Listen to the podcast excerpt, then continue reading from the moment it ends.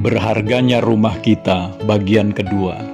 Hal kedua yang dibutuhkan agar rumah menjadi sebuah sarana untuk menyampaikan kebenaran dari generasi kepada generasi adalah sebuah rumah dengan hubungan penuh kasih sebagai sesuatu yang sengaja dibangun dan dirawat secara terus-menerus.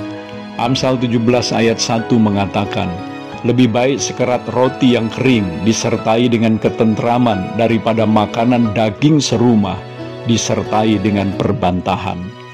Saya melihat kecenderungan yang telah menjadi sebuah nilai dalam masyarakat kita, yakni lebih mementingkan penampilan luar daripada kehidupan batin yang benar.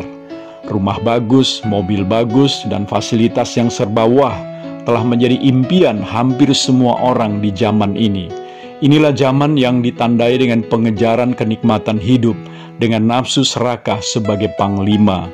Apa pun rela dikorbankan demi tercapainya kenikmatan hidup.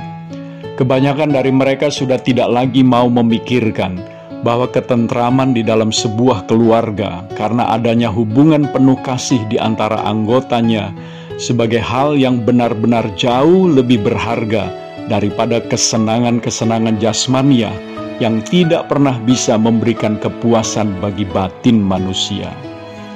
Tidak ada seorang pun yang bercita-cita untuk sekedar mengkonsumsi sekerat roti kering seumur hidupnya. Namun ayat tersebut bermaksud memberikan kepada kita suatu gambaran bahwa ketentraman di dalam rumah tidak boleh dikorbankan hanya demi daging atau makanan yang lezat, yang untuknya orang mengabaikan hubungan penuh kasih di antara anggota keluarga. Rusaknya hubungan dalam keluarga akan menghancurkan ketentraman dalam keluarga itu, dan hancurnya ketentraman dalam keluarga akan menjadi celah yang lebar untuk iblis menghancurkannya. Jadi, jangan pernah menyepelekan hubungan penuh kasih di antara anggota keluarga kita sendiri.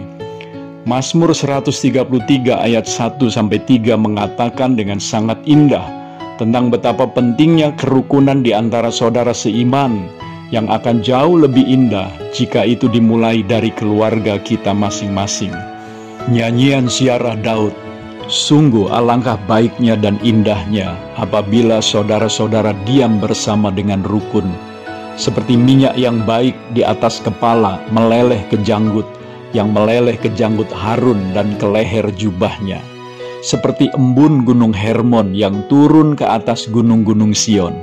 Sebab ke sanalah Tuhan memerintahkan berkat, kehidupan untuk selama-lamanya. Kiranya keluarga kita menjadi keluarga yang secara sengaja membangun kesatuan melalui membangun hubungan penuh kasih dengan menjadikan salib Kristus yang menyatukan kita sebagai keluarga Allah sebagai dasarnya. Saya Theo Barahama, Bring Heaven Home Tuhan Yesus memberkati saudara.